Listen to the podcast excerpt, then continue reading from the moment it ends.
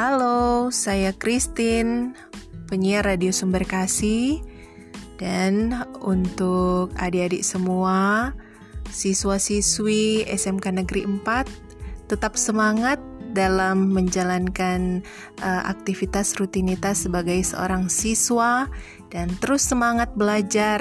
Mudah-mudahan Tuhan berkenan, adik-adik semua boleh mencapai cita-citanya. Amin.